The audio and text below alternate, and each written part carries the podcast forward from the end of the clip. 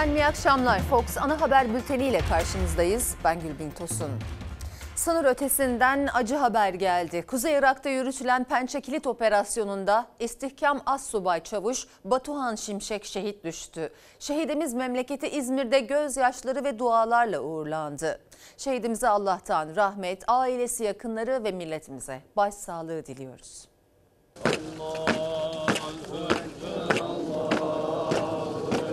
Pençe Kilit operasyon bölgesinden geldi acı haber. Teröristlerin açtığı taciz ateşinde Assubay Batuhan Şimşek ağır yaralandı. Kaldırıldığı hastanede tüm müdahalelere rağmen kurtarılamayarak şehit oldu. Şehidin cenazesi Baba Ocağı İzmir'de son yolculuğuna uğurlandı. Allah rızası için El Fatiha. Çok sevdiğim bir araba modeli vardı. Araba alınıyordu. O bilmeden araba alındığından 10 dakika sonra kendisi kendi arabasını görmeden şehit oldu. 24 yaşındaydı şehit Batuhan Şimşek. Onun şehit olduğu gün babası ona sürpriz olarak otomobil satın almıştı. Oğlunu aradı ama ulaşamadı. Çok geçmeden oğlunun şehadet haberi geldi. 94 yılında Kuzey Irak'ta yine aynı yerde e, bizim amcamız onu da şehit verdik. Daha önce de amcası yine Kuzey Irak'ta şehit olmuştu Batuhan Şimşek'in. İkindi namazına mütakip kılınan cenaze namazında ailesi, sevenleri şehidi gözyaşlarıyla uğurladı son yolculuğuna.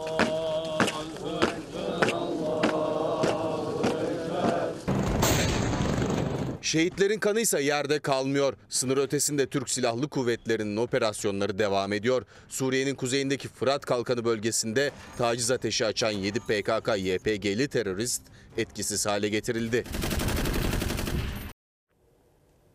Bu akşam etiketimiz zorlaştı. Banka kredilerine ulaşmak zorlaştı. Odalar ve Borsalar Birliği Başkanı'ndan gelen uyarıydı bu. Damacana sudaki fiyat artışını aktaracağız. İçme suyuna bile ulaşmak zorlaştı. Sizler de görüşlerinizi paylaşabilirsiniz. Ekonomi gündemiyle başlayalım bültene. Merkez Bankası Başkanı Şahap Kavcıoğlu'nun enflasyon raporu açıklamalarına muhalefetin ekonomiden sorumlu isimleri tepki göstermeye devam ediyor. Kavcıoğlu son 10 günü çıkarırsak Türk lirası en az değer kaybeden para demişti. Muhalefet Kavcıoğlu'nun göreve geldiği 20 Mart 2021 tarihiyle bugünün hesabını yaparak yanıt verdi. Bu 18'lerden biliyorsunuz geldi. Bugün tekrar o noktalara. Son bir haftayı çıkarın 10 günü. Ondan önceki bir aylık süreçte en az değer kaybeden Türk lirası. Türkiye 7 liralık kurlardan 18 liraya gelmiş. Enflasyonda %16'dan %78'e ulaşmış. Daha hala bize 10 günün hesabını anlatıyor beyefendi. Ayrıca 10 gün çıkarsak ne olacak?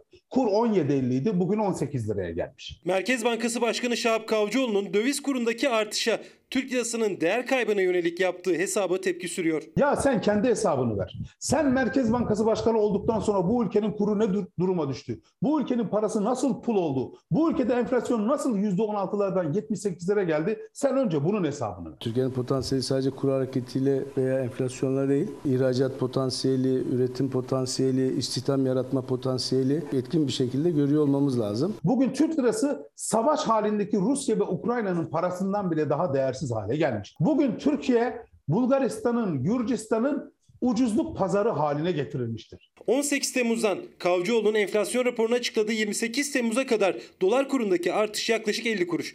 Muhalefet Türk lirasındaki değer kaybını ölçmek için tarihi 10 gün değil Kavcıoğlu'nun göreve başladığı 20 Mart 2021 tarihine kadar çekti. Şahap Kavcıoğlu göreve geldiğinde Merkez Bankası'nın başına dolar 7 lira 33 kuruşmuş. Şahap Kavcıoğlu Merkez Bankası Başkanlığı'na atandığında Türkiye'de tüketici fiyatları enflasyonun %16 düzeyindeymiş. Bugün kurumuz 18 lirada, tüketici fiyatları enflasyonu %78'de. Son bir haftayı çıkarın 10 günü. Ondan önceki bir aylık süreçte en az değer kaybeden Türk lirası. Faiz düşerse enflasyon da düşer tezini uygulamaya geçirerek Türkiye tarihinin en önemli, en kritik para politikası hatalarından birisini yapmıştır. Eylül ayında 8 liralarda olan kur bugün 18 liraya geldiyse, o dönemde faiz %19'dan %14'e düşürülmesine rağmen o dönemde hazine faizleri %13-14'lerdeyken bir noktada %20-25'leri bulduysa bunun tek sebebi liyakatsiz, cahil ekonomi kadrolarıdır. Ocak ayında %23,2 olarak belirlediği yıl sonu enflasyon tahminini %60,4'e çıkardı Merkez Bankası. Buna rağmen Kavcıoğlu iyimser bir tablo çizerken Haziran ayı dış ticaret rakamları da açıklandı. Haziran ayında dış ticaret açığı geçen yılın aynı ayına göre %184,5 arttı. 8 milyar 167 milyon dolar oldu. Ocak-Haziran dönemindeki dış ticaret açığı ise 51 milyar dolar. Türkiye'nin dış ticaret açığı artarken iş dünyasından da kredilere ulaşamıyoruz sesi yükseldi. Türkiye Odalar ve Borsalar Birliği Başkanı Rifat Hisarcıklıoğlu banka kredilerine ulaşmanın zorluğuna dikkat çekti. Ankara Sanayi Odası Başkanı da sanayiciler, sanayiciler kredi sıkıntısı çekiyor dedi. Ekonomistlere göre bunun nedeni iktidarın kamu bankalarına verdiği kredi kısıtlama talimatı. Sanayiciler de krediye ulaşmada zorluk çekiyor mu? çekiyorlar. Çarşamba günü meclisimiz vardı. Krediye ulaşmakla ilgili sıkıntıdan şikayet eden sanayicilerimiz oldular. Banka kredilerine ulaşmak zorlaştı. Türkiye'nin her il ve ilçesinden bankalara yönelik şikayetler artıyor. Yeni ekonomi modelinin sac ayaklarından yatırım, üretim ve ihracat ama iş dünyasından iktidara çağrı var. Kamu bankalarından kredi alamadıklarını söylüyorlar. Ekonomist Şenol Babuşçu bu kararı iktidarın aldığını söyledi. Hükümet kamu bankalarına resmi olarak açıklama yapmadan kredilerde temkinli olmalarını istedi. En önemli nedeni enflasyonun %100'ün üzerine çıkması endişesiydi. Bunun üzerine kamu bankaları kredileri sınırlandırdılar. Diyorum ki bak kamu bankaları eğer kredi istiyorsanız buyurun size kredi vermeye de hazır. Mevcut yatırımlarınızı gelin daha da güçlendirin. Cumhurbaşkanı bu çağrıyı birçok kez yaptı. İktidar yatırım, üretim ve istihdam, ihracat, cari fazla formülüyle duyurduğu ekonomi modeli kapsamında kredi paketleri de açıkladı. Krediye erişimin tabana yayılmasını ve sanayicilerimizin krediye kolayca erişmesini son derece önemsiyoruz. Firmaların kredi talepleri karşılanmıyor veya çok yüksek maliyetler çıkarılıyor. Üretim, istihdam, yatırım için bankaları daha duyarlı ve yapıcı olmaya davet ediyorum. Merkez Bankası Başkanı'nın İstanbul Sanayi Odası'nda krediye erişim önemli dediği gün Türkiye Odalar ve Borsalar Birliği Başkanı Rıfat Hisarcıklıoğlu iktidarın söyleminin aksine sanayicinin, üretenin kamu bankalarından kredi alamadığını açıkladı. Kredi veren bankaların da yüksek maliyetler çıkardığını. İşletmelerimiz çok borçlu. Bu borcun döndürülebilmesi için işletmelerimizin üretime devam edebilmesi lazım. Eğer çark durursa bunun faturası Türkiye açısından sıkıntılı olur. Tabii kamu bankaları böyle yapınca özel bankalarda harekete geçtiler. O %30'da kredi verebilecekken %50'lere çektiler ki yani biz vermiyoruz demektense faiz yüksek olduğu için iş adamı talep etmesin düşüncesiyle hareket ederek faizleri yukarı doğru çektiler. Reel sektörün KDV'ler yoluyla devletten ciddi bir alacağı var. Bu aslında bizim paramız. Enflasyonumuz %138 olduğuna göre %38 negatif faizle vermiş olduğumuz borç. Bu kaynağın aslında tekrar devreye sokulması lazım. Döviz kurunun yükselmesi ithalat maliyetlerine yansıyor. Ankara Sanayi Odası Başkanı Nurettin Özdebir de üretim maliyetlerinin artmasına, sermaye ihtiyacına dikkat çekiyor. Firmalarımızın finansal kaldıraç oranları çok yüksek. %80'leri aşmış durumda. Bu aslında firmaların öz varlıklarından daha fazla borçlu olduğunu gösterir ki bu teknik iflas demektir. Üniversite okuyacak gençlere mezun olunca ilk hedefiniz iş bulmak olmamalı diyen Mustafa Varanka bu kez de Zafer Partisi Genel Başkanı Ümit Özdağ yanıt verdi. Özdağ bakan hakkındaki çarpıcı bir iddiayı da gündeme getirdi. Varank'ın iki yeğenini kamuda üst düzey görevlere getirdiğini öne sürdü. Bakan iddiayı yalanlarken ikili arasında gerilim karşılıklı açıklamalarla tırmandı. Bir kere üniversiteye başlıyorsanız kafanızdaki ilk hedefiniz bir yerde istihdam edilmek olmamalı. Bu çağrıyı yapan Varank iki yeğenini bir devlet kurumuna yerleştirdi. Hem de üst bir pozisyona yerleştirdi. Normalde o kurumda çalışanların belki 20 yılda geldikleri bir Bu ahlaksız provokatör de bana bulaşmaya çalışmış. Benim bırakın kamuda çalışanı, çalışan bir yeğenim yok. Hepsinin yaşları küçük. Gençlere üniversite okuma hedefiniz iş bulmak olmamalı diyen Sanayi ve Teknoloji Bakanı Mustafa Varank hakkında Zafer Partisi Genel Başkanı bir iddia attı ortaya. İki yeğenini kamuya üst düzey göreve yerleştirdi dedi. Bakandan yalanlama geldi. Bu olay aşağı yukarı 10 ay önce oldu. Şimdi zamanı geldi söyledik.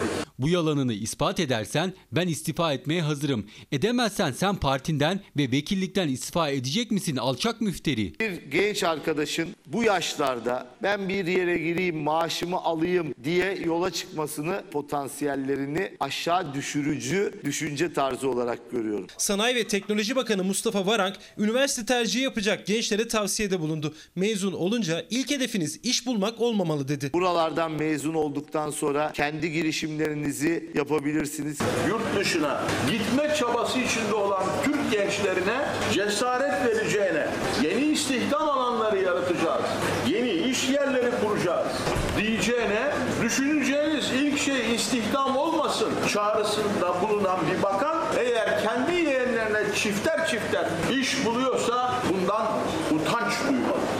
Ümit Özdağ Mustafa Varank'ı eleştirirken çarpıcı iddiayı dile getirdi. Varank'ın iki yeğenini kamuda üst düzey bir göreve yerleştirdiğini söyledi. Sonra bu yeğenler olumsuz bir işe karıştılar. Adli merciler tarafından da tespit edildi. Onun üzerine o kurumdan ayrılıp Varank tarafından başka bir kuruma alındılar. Lafı gevelemeyi bırak da yalanını ispat et. Hadi hodri meydan. Kimmiş benim yeğenim? Hangi mahkeme ne karar vermiş? İspat etmeyen sadece müfteri değil aynı zamanda alçaktır. Terbiyeli konuş. Sen kimlerden bahsettiğimi ve olayı gayet iyi anladın. Ahlaksız da sensin, müfteri de sensin. Türk gençlerinin umutlarını yıkan bir zihniyetin temsilcisisin sen. İnsanda biraz utanma olur. Gençlerin ise 3 ana gündemi var. 1. Geleceğe dair ümitlerinin sizde karşılandığını görmek istiyorlar. 2. İstihdamla ilgili beklentileri var. 3. Türkiye'nin ülke olarak bir yere gelmesini ümit ediyorlar. Bakan Varank gençlere ilk hedefiniz iş bulmak olmamalı derken AK Parti İstanbul İl Başkanı Osman Nuri Kabaktepe Hürriyet gazetesine verdiği röportajda gençlerin 3 ana gündemi içinde istihdamı saydı. Yani iş beklentilerini. Gri pasaport skandalı bundan 15 ay önce gündeme gelmişti. CHP bazı belediyelerin derneklerle yapılan protokol kapsamında gri pasaportla yüzlerce kişinin yurt dışına götürüldüğünü ve o kişilerin çoğunun geri dönmediğini ortaya çıkarmıştı. O belediyelerden birisi de Malatya'nın AK Partili Yeşilyurt Belediyesi'ydi. Danıştay ve Belediye Başkanı ve 3 yönetici hakkındaki soruşturma iznini kaldırdı. Devletin vermiş olduğu gri hizmet pasaportuyla bir seyahat gerçekleşiyor ve bunun organize bir VIP insan kaçakçılığı olduğu ortaya çıktı. İçişleri Bakanlığı'nın verdiği soruşturma izi Danıştay'dan döndü. Malatya Yeşilyurt Belediyesi'nin organizasyonuyla hizmet damgalı pasaport kullanarak Almanya'ya giden 45 kişiden 43'ünün dönmemesi nedeniyle başlatılan soruşturmada Danıştay, belediye başkanı ve 3 belediye yöneticisi hakkındaki soruşturma iznini kaldırdı. Burada suçlu olan bu olay ortaya çıkaran Cumhuriyet Halk Partisi olacak herhalde. Malatya Yeşilyurt Belediyesi'nin bir dernekle çevre bilincini geliştirme projesi adı altında yaptığı protokolle 45 kişiyi Almanya'ya gri pasaportla götürdüğünü ancak iki belediye görevlisi dışında 43 kişinin dönmediğini CHP ortaya çıkardı. Bu tam bir insan kaçakçılığı ama dünyada icat edilmemiş bir insan kaçakçılığı. Sadece bizim belediyemizde olan hadise değil, Türkiye'nin değişik belediyelerinde de benzer projeler var. Pasaport süresi bitip dönmeyen 804 kişi. 19 ilde 27 belediye şu anda 13 müfettişimiz bu soruşturmayı yapıyor. Malatya Yeşilyurt Belediye Başkanı skandalı doğrulamış, İçişleri Bakanı da 27 belediyede benzer olayın olduğunu söylemişti. Muhalefet insan kaçakçılığı derken belediye yöneticileri açığa alınmadı ama haklarında soruşturma başlatıldı. Malatya Yeşilyurt Belediye Başkanı ve 3 yöneticisi hakkında da. Sağından da baksanız, soluna da baksanız bir suç unsuru içeren, suç olan bir olay. Malatya Yeşilyurt Belediye Başkanı Mehmet Çınar ve 3 yönetici haklarındaki soruşturma iznini Danıştay'a taşıdı. Ve Danıştay 1. Dairesi oy çokluğuyla o soruşturma izni kaldırdı. 3 üye gri pasaport verme yetkisi belediyelerde değil valiliklerde dedi. Belediyelerin derneklerle protokol imzalamasının suç sayılamayacağını söyledi. Projenin ve seyahatin belediyeye ve belde sakinlerine hiçbir katkı sağlamadığının, bazı kişilerin yurt dışına çıkışı için belediye imkanlarının ve yetkilerinin kullanılması amacı taşıdığının açık olduğu, Karşı oyda da bu ifadeler yer aldı. Danıştay'ın iki üyesi protokol kapsamında yurt dışına götürülen kişilerin yeşil yurtta dahi yaşamadığına vurgu yaptı. Belediyenin usulsüz düzenlenen pasaportlara aracılık ettiğini söyledi. Sorumluluk belediye başkanı ve yöneticilerinde dedi. Ama iki üyenin oyuna karşı 3 üyenin oyuyla soruşturma izni kaldırıldı. Siyasi bir kararla yine karşı karşıyayız. Hiç kimse suçlu değil herhalde suçlu e, bu olaya ortaya çıkaranlardır. CHP lideri Kemal Kılıçdaroğlu Ağrı'da esnaf ziyaretine çıktı ama bir anda etrafında toplanan kalabalık nedeniyle o ziyaret mitinge dönüştü. CHP lideri tarımdan sanayiye, hayat pahalılığından işsizliğe vaatlerini anlattı. Seçim mesajını da beyefendiyi emekli edeceğim diyerek verdi. Cumhurbaşkanımız sensin. Bu seferki Cumhurbaşkanımız sensin sen. Seçimden sonra. merhaba. Tek bir yolumuz var.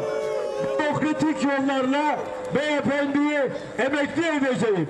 Allah'ın izniyle sizin takdirinizle. Esnaf ziyareti bir anda mitinge dönüştü. Kılıçdaroğlu Ağrı'da yoğun ilgiyle karşılaştı. Hedefinde Cumhurbaşkanı Erdoğan vardı. Benim saraylarda oturmak gibi bir merakım yok. Saraylarda da oturmayacağım. Bunun da sözünü veriyorum. İl il ilçe ilçe esnaf ziyareti yapıp vatandaşın derdini dinliyor muhalefet. CHP lideri Kemal Kılıçdaroğlu da Ağrı'da esnafın, çiftçinin, işsizin sorunlarını dinlemeye gitti. Ancak daha aracından iner inmez etrafını vatandaşlar sardı. İşsizlik var, yoksulluk var, geçinememe durumu var. Bütün bunları biliyorum. Size bir tek sözüm var. Oy verirseniz, iktidara taşırsanız göreceksiniz. Erzurum'dan başlayıp İran sınırına kadar olan bölgeyi tarım bölgesi ilan edeceğiz. Üretici bölgesi, hayvancılık bölgesi ilan edeceğiz. ÖTV'siz, KDV'siz mazotu size de vereceğiz. Adına kırmızı mazot diyoruz. Ekiyorsunuz, zarar ediyorsunuz. Mazot, ilaç, gübre hepsi ateş pahası. Herkes neyi ekeceğini bilecek. Sizin zarar etmeyeceğiniz bir modeli hayata geçirmemiz lazım. Daha önce Şanlıurfa'da güneş enerjisiyle elektrik üreterek çiftçiye bedava elektrik sözü vermişti. Ağrı'da tarım bölgesi ve fabrika vaadini dillendirdi. İşsizlik bütün kötülüklerin anasıdır. Buraya bir değil, onlarca fabrika yapılması lazım. Hiç endişe etmeyin. Büyük bir sabırla sandığı bekleyeceğiz. Sandığa gideceğiz. O beyefendiyi emekli edeceğiz. 20 yıldır buradayız. 20 yıldır bu mahallede su yok. Bu mahalleye su vermiyorlar. Yolları zaten görüyorsunuz berbat. Gerçekten içecek suyu bulamıyoruz. Anlatacak laf bulamıyoruz. Aylardır neredeyse çocuklarıma ben yaptıramadım. Ağrı merkeze bağlı 100. Yıl Mahallesi'ni ziyaret etti CHP lideri. 20 yıldır su sıkıntısı çektiklerini söyleyen vatandaşları dinledi. Emin ol Allah'a 24 saat bizim suyumuz akmıyor. Ben sabah kalmışım elimi yıkayacağım su bulamadım. Geçen milletvekili abimiz geldi kapımıza dedi ki itfaiyeyi arayacağız size su göndereceğiz. Başkanım, Diyorlar ki belediye başkanı savcı sayanı aramazsan göndermiyoruz. Keşke dilimiz zal olup gözlerimiz kör olup ellerimiz kırılaydı da o oyları onlara vermeyeydik. Kılıçdaroğlu mahallenin su sorunun çözümü için de söz verdi. Ben şimdi Sayın Valiyle konuşacağım. Eğer imkanımız yok biz buraya su getiremiyoruz diyorlarsa söz veririm ben size. Su neredeyse oradan buraya getiririm. Bir izleyicimiz diyor ki emekli maaşıyla geçinmek gerçekten çok zorlaştı. Hukuksuzluk, adaletsizlik ortamında özgürce nefes almak zorlaştı. Ülke gençlerinin hayal kurmaları, geleceğe umutla bakmaları zorlaştı. Zorlaştı mevcut yöneticilerle ülkemizin düze çıkması. Gürkan Bey de ülkede istikrarlı yaşam zorlaştı. Acilen erken seçim, acilen istikrar diyor. Efendim emeklilerin 3 yılda bir aldığı banka promosyonlarında yeni yeni kampanyalar açıklanıyor. 2000 liradan başlayan promosyonlar bazı bankalarda 7500 liraya kadar çıktı. Geçim zorluğu çeken emekliler sürekli bu kampanyaları takip edip her artışta banka değiştirmeye çalışıyor. Çünkü maaşları en temel ihtiyaçlarını karşılamaya bile yetmiyor. Biz halk olarak kim e, fazla verirse, kimden daha iyi yararlanırsak o tarafa gideriz yani. Artık zaman öyle. 2750 lira aldım ama kapayacağım. Başka bankaya gideceğim. Neden değiştiriyorsunuz? 5000 lira veriyor çünkü. Banka promosyonu aldınız mı? Aldım. Ne kadar aldınız? 5000. Şimdi bazı bankalar 7500 lira vermeye başladı. Geldik şu an. Burası 7000 lira verdiği için şu an buraya geçiş yapacağız. Emekliler biraz daha fazla promosyon alabilmek için banka banka geziyor, saatlerce sıra bekliyor. Çünkü geçinemiyorlar. Ellerine geçecek fazladan her bir kuruşa ihtiyaçları var. Emeklileri kendilerine çekmek isteyen bankalarda promosyon teklifini güncelliyor. 2-3 bin lirayla başlayan promosyon teklifleri 7500 liraya kadar çıktı bazı bankalarda. Yetişmiyor artık hiçbir şekilde iki yakamızı bir araya getiremiyoruz. Ne yapacağımızı şaşırdık. O yüzden insanlar nerede biraz fazla promosyon duyarsa hemen oraya akın ediyorlar. Ben de duydum, kardeşim de duydu. Dedik hemen gidelim. Bizim için 100 lira bile önemli şu devirde. En düşük emekli maaşın dediler 3500 lira. Ev kiraları en düşük oldu 6000 lira.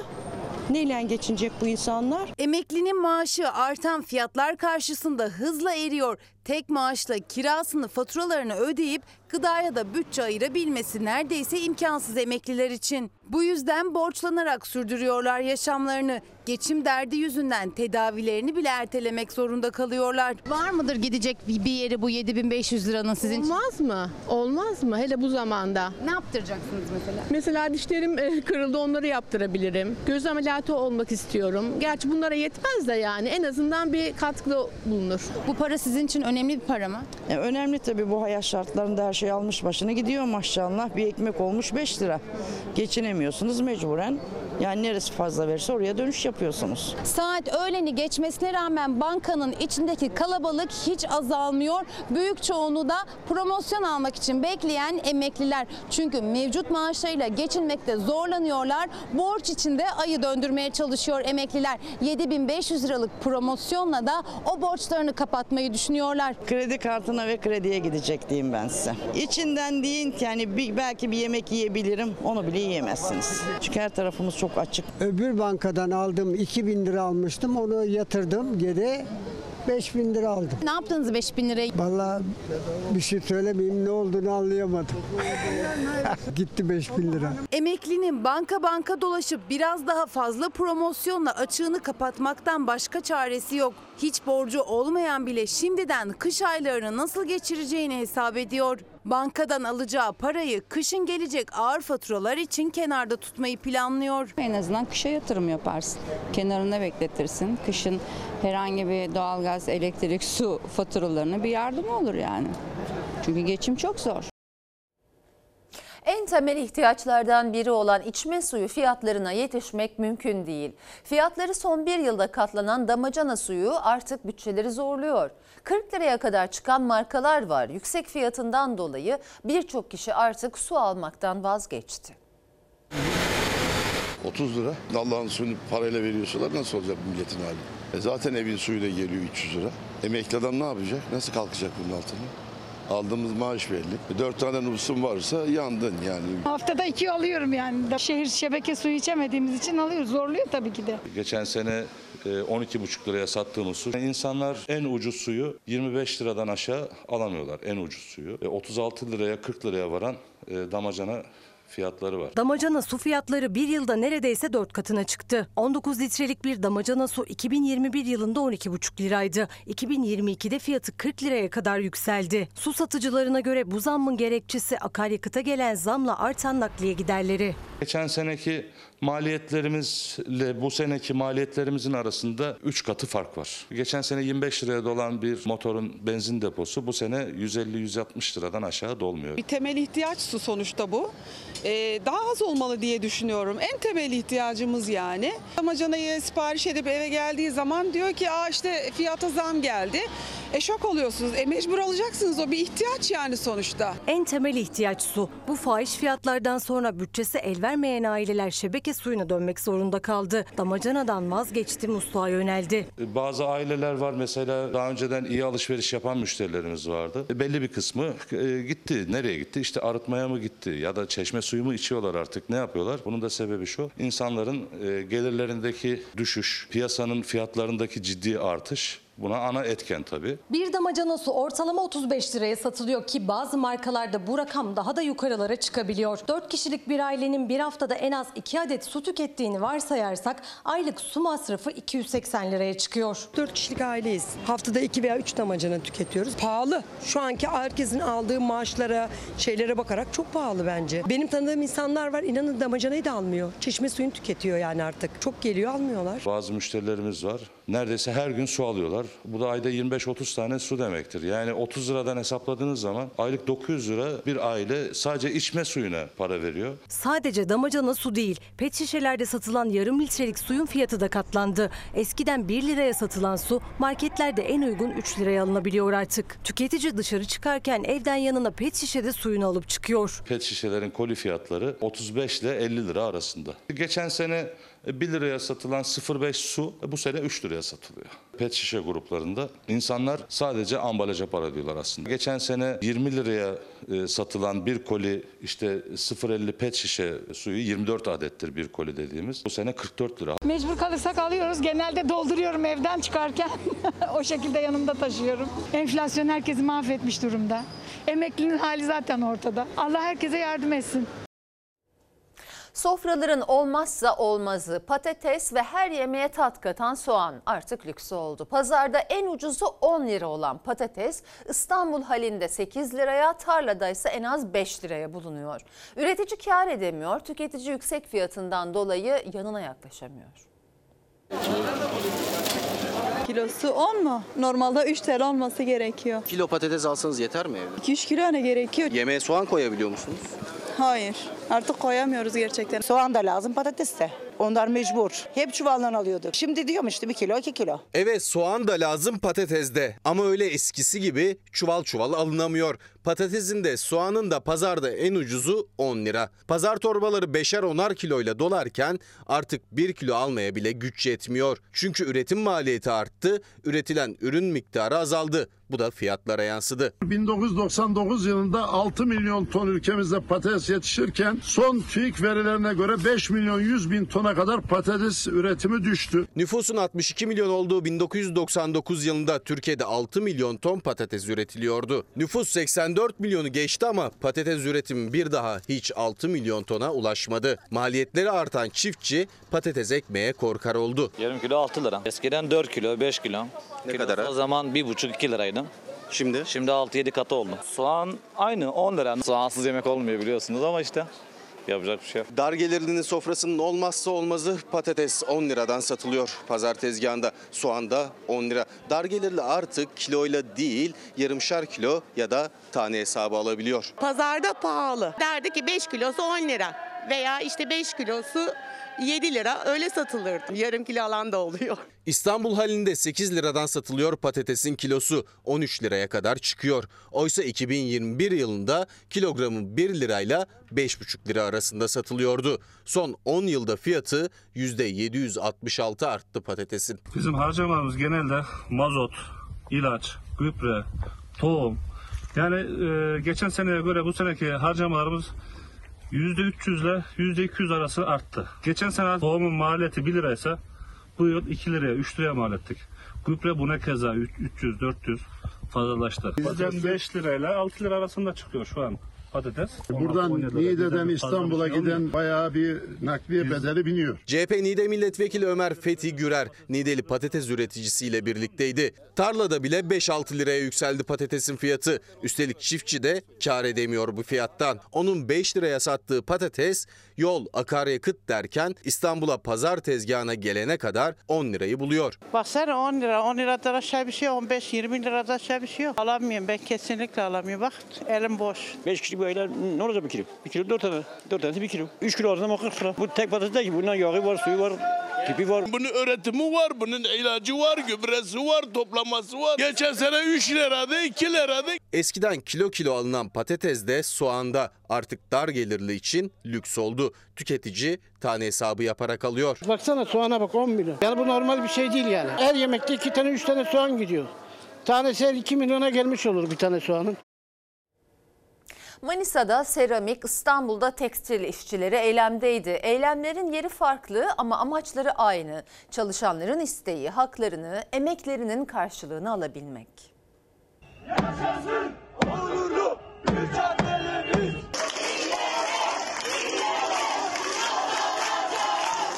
Düşük ücret ve sosyal haklarının azlığından şikayet ettiler. Üstüne bir de iddialarına göre sendika hakları ellerinden alındı. Manisalı işçiler eylem başlattı. İstanbul Tuzla'daki eylem de yine hak arayışı içindi. Sendika hakları Manisa'daki seramik fabrikasında sorunlar 7 yıl önce başladı. İşçiler maaş, izin hakkı gibi isteklerinde düzenleme yapılmayınca bir sendikadan ayrılıp diğerine üye oldu. Fakat iddialarına göre yönetim sendika seçimlerine karıştı. Ayrıldıkları sendikayla bir olarak işçileri işten çıkarmaya başladı. İşten çıkarılan işçiler eylem başlattı. O eylemin de önü fabrika yöneticileri tarafından kesildi. Arkadaşlar durumu gördünüz. Siz gerçek sahiplerisiniz fabrikanın. İşçilerin talebi haksız yere işten çıkarılan iş arkadaşlarının yeniden işe alınması ve tercih ettikleri sendikayla fabrikanın masaya oturması. Bir sonraki aşamada da maaş ve sosyal haklarının düzenlenmesi.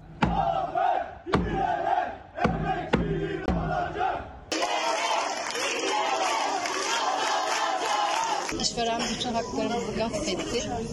İhbarımızı, kıdem tazminatımızı vermek istemiyor. Bir diğer işçi eylemi de İstanbul'da. Tuzla'da bir tekstil fabrikası 30 Temmuz'da fabrikayı kapatacağını duyurdu. Ancak çalışanların hakkını vermedi iddiaya göre. 7,5 senedir burada çalışıyorum. İhbarımızı vermiyor, tazminatımızı vermiyor. 3,5 ikramiyemiz var, onu vermiyor. Biz de arkadaşlarla burada eylemdeyiz. 2008'den bu tarafa buradayım. Kapatma kararı aldı. Önce vereceğim dedi. Sonra e, %30'unu, %70'ini veriyorum dedi. Biz onları kabul etmiyoruz. Tazminatların sadece %70'inin verileceği söylendi işçilere. Tekstil işçileri 8 gündür fabrika önünde gece gündüz eylemde. Haklarını alana kadar da eylemlerini sürdürmeye kararlılar. Eylem yapıyoruz gece ve gündüz. Bütün haklarını almadan gitmeyeceğiz. 7 sene 7 aydır buradayım. Burada anne oldum. 9 ay boyunca hamileliğim boyunca burada çalıştım. Emek verdim. İçeride 27 gün iznim olduğu halde kullanmadım. Sırf işlerimiz yetişsin diyerekten hiç hasta oldum. Gene de izin kullanmadım. Verdiğimiz emeklerin karşılığını istiyoruz. Biz sadece hakkımızın olanı istiyoruz. Ne eksik ne fazla. Resmi gazetede yayınlanan kararla yılbaşına kadar istihdam edilmek üzere 27 bin sözleşmeli sağlık personeli alınacak. Bunun 26.808'i hekim ama 20 binden fazlası uzman hekim. Türk Tabipleri Birliği'ne göre bu aynı zamanda ne kadar çok doktorun istifa ettiğinin de göstergesi. Ancak çözüm sözleşmeli personel almak değil. Gözüme randevu alamıyor. Niye alamıyorsunuz randevu? Doktor yok. Randevu bulmak kolay oluyor. Şu anda değil. Şu anda çok zor. Resmi gazetede yayımlanan Cumhurbaşkanı kararıyla sözleşmeli sağlık personeli sayısı 27 bin oldu. Daha uygun koşullarda istihdam fırsatı doğuyor. Alınacak bu hekimlerin 20 bini uzman. Soruna eğer Sağlık Bakanlığı bu kadar uzman alarak çözmek istiyorsa bence bu yine yanlış politikaların bir devamı. Sağlık Bakanı Fahrettin Koca sosyal medya hesabından müjde gibi duyurdu 27 bin sözleşmeli sağlık personeli alınacağını. Bunun neredeyse tamamına yakını hekim ama yaklaşık 20 bini de uzman hekim olacak. Türk Tabipleri Birliği'ne göre açıklanan rakam kamudan istifa eden doktorların ne kadar fazla olduğunun da göstergesi. Daha önceden de e, her yıl uzman hekim veya e, pratisyen aile hekimi alıyordu. 16 bin civarında hekim alınıyordu. Özellikle son zamanlarda kamudan ayrılan e, yaklaşık 10 bin hekimin de bir itirafı niteliğinde bu kadar uzman almaları. Demek ki sağlıkta yolunda gitmeyen çok ciddi sorunlar ve sağlıktaki şu an yaşadığımız çöküş noktası. Türk Tabipleri Birliği alınacak sağlık çalışanlarının sözleşmeli değil kadrolu devlet memuru olması gerektiği görüşünde. İkinci Başkan Profesör Doktor Ali İhsan Ökten'e göre sağlık sistemindeki sorunun çözümü sadece sayıları artırmakla da mümkün değil. Sözleşmeli olduğunuz zaman iş güvenceniz yok. Her an işinize son verilebilir veya sözleşmenin sonunda uzatılmayabilir. Diğer taraftan önemli bir sorun aynı işe eşit ücret vermiyorsunuz. Bu da çalışma barışını bozan çok ciddi bir durum. Düşük ücret, zor çalışma koşulları ve şiddete maruz kalan hekimler ya yurt dışına gidiyor ya da özel hastanelere geçiyor. Kamuda doktor açığı var ama asıl açık birinci basamak sağlık hizmetlerinde. Türk Tabipleri Birliği'ne göre birinci basamakta bizim aslında açığımız var. Biz ne yapıyoruz? Sorunu ikinci ve üçüncü basamakta çözmeye çalışıyoruz.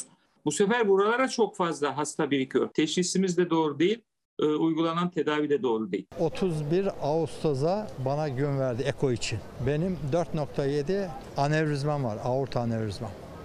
O tarihe kadar yaşayacak mıyım? Profesör Doktor Ökten'e göre polikliniklerdeki yığılmanın ve randevu sorununun temel nedeni de aile hekimliği sisteminin etkili bir şekilde kullanılamaması. Şu an bir aile hekimine yaklaşık 3000-4000 nüfus düşüyor. Bu çok yüksek bir oran. E, bunu azalttığımız zaman ikinci ve üçüncü basıma e, yönelen bu kadar fazla hasta olmayacaktır. Günde 500 kişiye bakıyormuş adamcağız. Yorgun adam, kıpkırmızı olmuş suratı. O odadan koşuyor o odaya, o odadan o odaya. E onun da canı var. Seslerini duyurmak için sık sık eylem yapıyor doktorlar. Sorunlarının çözümü için Sağlık Bakanı'nın kendilerine kulak vermesini istiyorlar. Bu sorunları çözmeye veya bu sorunları tespit etmeye yanaşmıyor Sağlık Bakanlığı. Gelip en azından bu sorunları bizlerle konuşsa, paylaşılsa, çözüm önerilerini karşılıklı bulsak daha iyi bir sağlık sistemine doğru gidebiliriz. Yakup Bey diyor ki bakanlığın kendi başına buyruk bürokratları sayesinde Türkiye'de hekimlik yapmak zorlaştı. Hastaların da kaliteli hizmet almaları diyor. Sağlık Bakanlığı bizleri unuttu. Hakkımızı alana kadar mücadele edeceğiz diyor aile hekimleri olarak. Sinan Bey zorlaşmayan ne kaldı ki ihtiyaçlarımızı almak bile ÖTV yüzünden telefon, tablet, bilgisayar, otomobil almak ÖTV'nin yanında TRT payı yüzünden zorlaştı demiş. Haftalık açıklanması gereken koronavirüs tablosu 12 gündür hala açıklanmadı. Oysa bayram sonrası sayının artabileceği endişesi vardı. Ve asıl tablo bayramdan sonra belli olacaktı. Tablo açıklanmadığı için vaka ve vefat sayısında artış var mı belli değil. Uzmanlara göre tedbirsizlik devam ederse zor günler kapıda.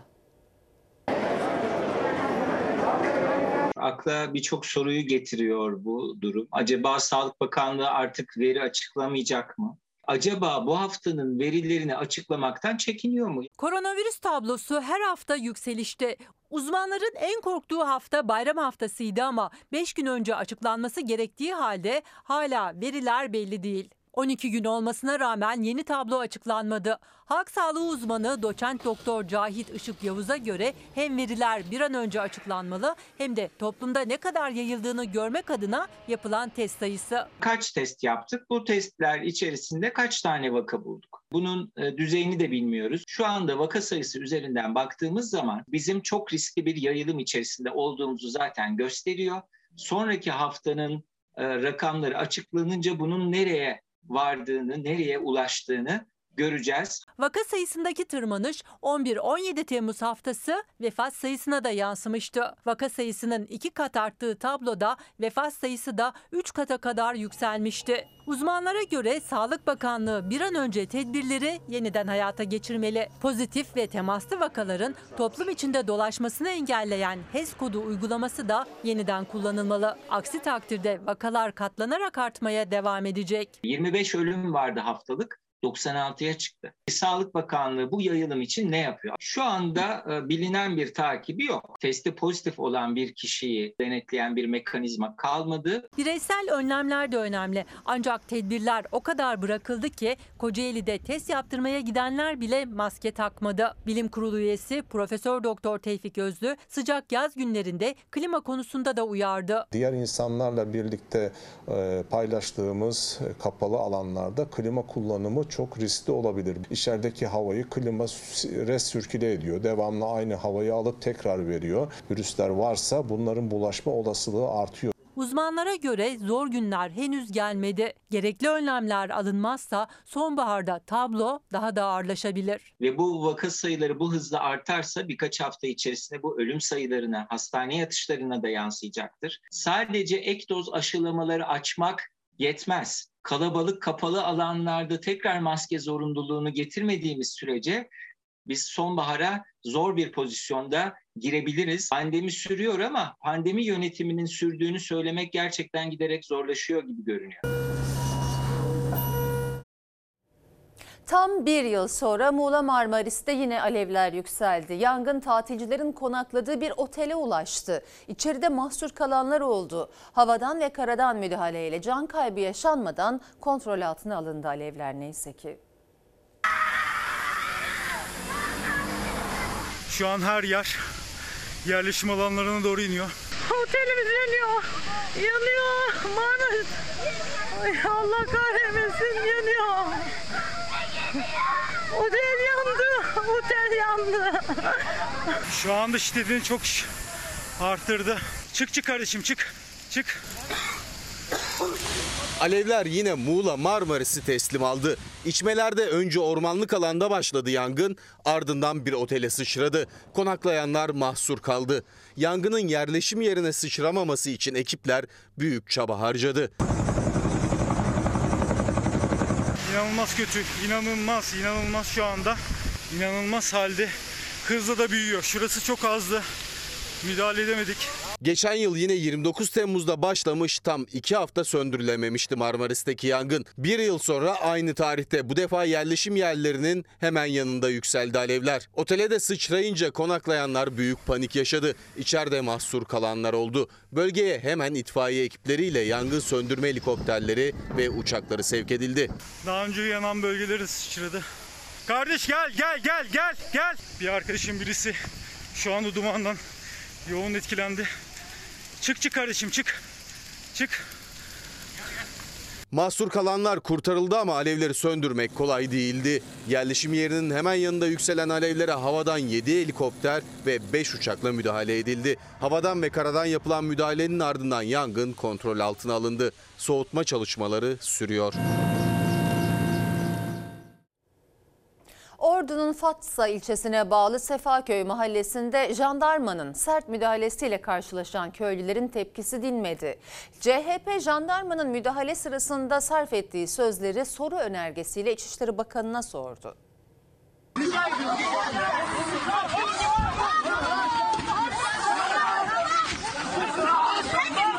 Arkası biber gazı, biber biber gazı sıklar. Yeter. Bir tane daha geç. Bak nefesim daralıyor diyor. Hala adamın üstüne çekmiyor musunuz? Nefesim daralıyor. Çekil şuradan. İnsan gibi davranın. İnsan gibi. Bir kişinin başına beş tane asker çöküyor. Bize asker darp etti diyor burada. Tek su kaynaklarını korumak için verdikleri mücadeleye karşı yapılan müdahaleye tepkili Sefaköy Mahallesi sakinleri. Çocuğumun kolunu büktüler geri. Benim çocuğumun koluna kıyamazlar. Ben o çocuğun kolunu kırktım bekledim. Evinizdeki suyu kesseler, anneniz köyde, Yozgat'ın köyünde çamaşır yıkadığın suyu kesseniz nasıl bir davranış beklerdiniz? Hele bir de mahsus zamanımızda. Mahsurumuz gelecek. Ben mahkeme kararı infazını gerçekleştirmek zorundayım. Sen gerçekleştireceksen bizi yıkacaksın. Önce muhtar olarak beni yıkacaksın, sonra suyu keseceksin. Ordu'nun Fatsa ilçesine bağlı Sefaköy Mahallesi'nin tek su kaynağını Devlet Su İşleri 5 yıl önce bir alabalık çiftliği firmasına kiraladı. Mahalleli içme suyu dahil tüm su kaynağımız bu diyerek itiraz etti. Yıllardır süren mücadele sonunda mahkeme firmayı haklı buldu. Firma yetkilileri suyu kesmek için geldi. Köylüler siper etti kendini. Biber gazı, biber gazı, biber gazı sıklar çık, biber gazı sıklar. La beni bırak! La beni bırak!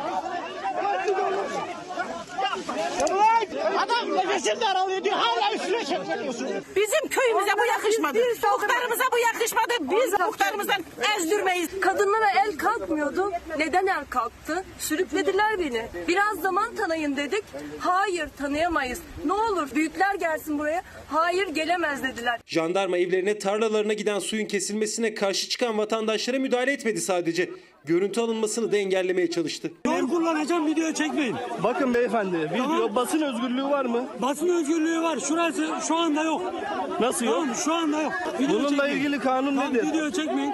Kanunu aşağıda gösteririm size. Türkiye Cumhuriyeti Anayasası'nın basın hürriyeti başlıklı 28. maddesini kaldıran bu jandarma kimdir? Anayasayı ortadan kaldırmak suçunu işleyen bu kamu görevlisi hakkında ne zaman işlem yapılacaktır? CHP Mersin Milletvekili Alpay Antmen basın özgürlüğü yok diyen jandarma personelinin kim olduğunu, hakkında bir işlem yapılıp yapılmadığını soru önergesiyle İçişleri Bakanı'na sordu.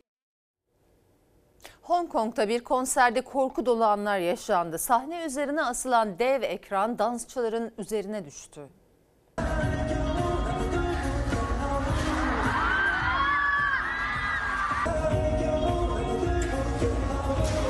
Dev ekran dansçıların üzerine düştü. Sahnede dansçılar, tribünde seyirciler büyük şok yaşadı. Hong Kong'da binlerce kişinin izlediği konserde gerçekleşti korkunç olay. Dansçılar şovlarıyla müzik grubuna eşlik ediyordu. Sahne üzerinde asıl dev ekranlardan birinin halatları koptu, sahnedeki dansçının üzerine düştü. Ardından bir başkasının üzerine devrildi.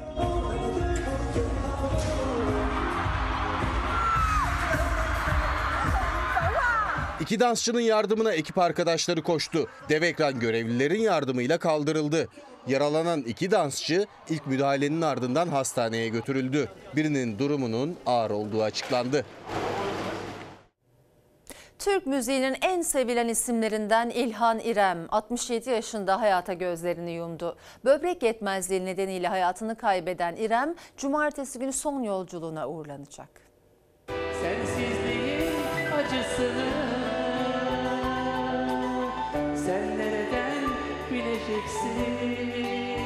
Onsuzluğun acısını şimdi tüm Türkiye hissediyor, anlıyor. Türk müziğinin duayen ismi usta sanatçı İlhan İrem hayatını kaybetti. Bu akşam sana ait ne varsa yakacağım anılarla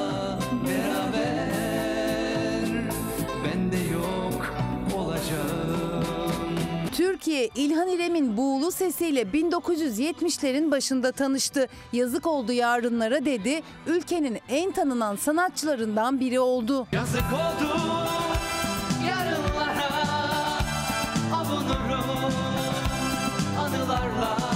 Hayatının hiçbir alanında olmadığı gibi sanatında da yerinde saymadı. Hep farklıyı, değişikliği aradı. 70'lerde, 80'lerde Türk pop müziğine yön verdi. Giderken bıraktım Gökyüzü toprak olmuş Türkiye'nin uluslararası arenada temsil edilmesinde katkıları oldu İrem'in. 1986 yılında sözlerini yazdığı Halley şarkısı Melih Kibar tarafından bestelendi ve o şarkı Türkiye'ye Eurovision'da o yıla kadar Türkiye'nin aldığı en iyi dereceyi getirdi. 1988'de ise Eurovision sahnesinde bu kez kendisi vardı.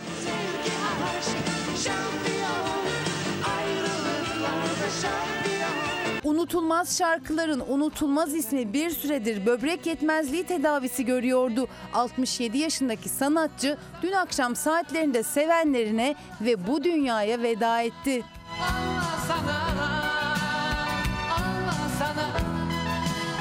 İlhan İrem için cumartesi günü önce Atatürk Kültür Merkezi'nde tören düzenlenecek. Cenaze namazının ardından vasiyetinde olduğu gibi Aşiyan Mezarlığı'nda toprağa verilecek.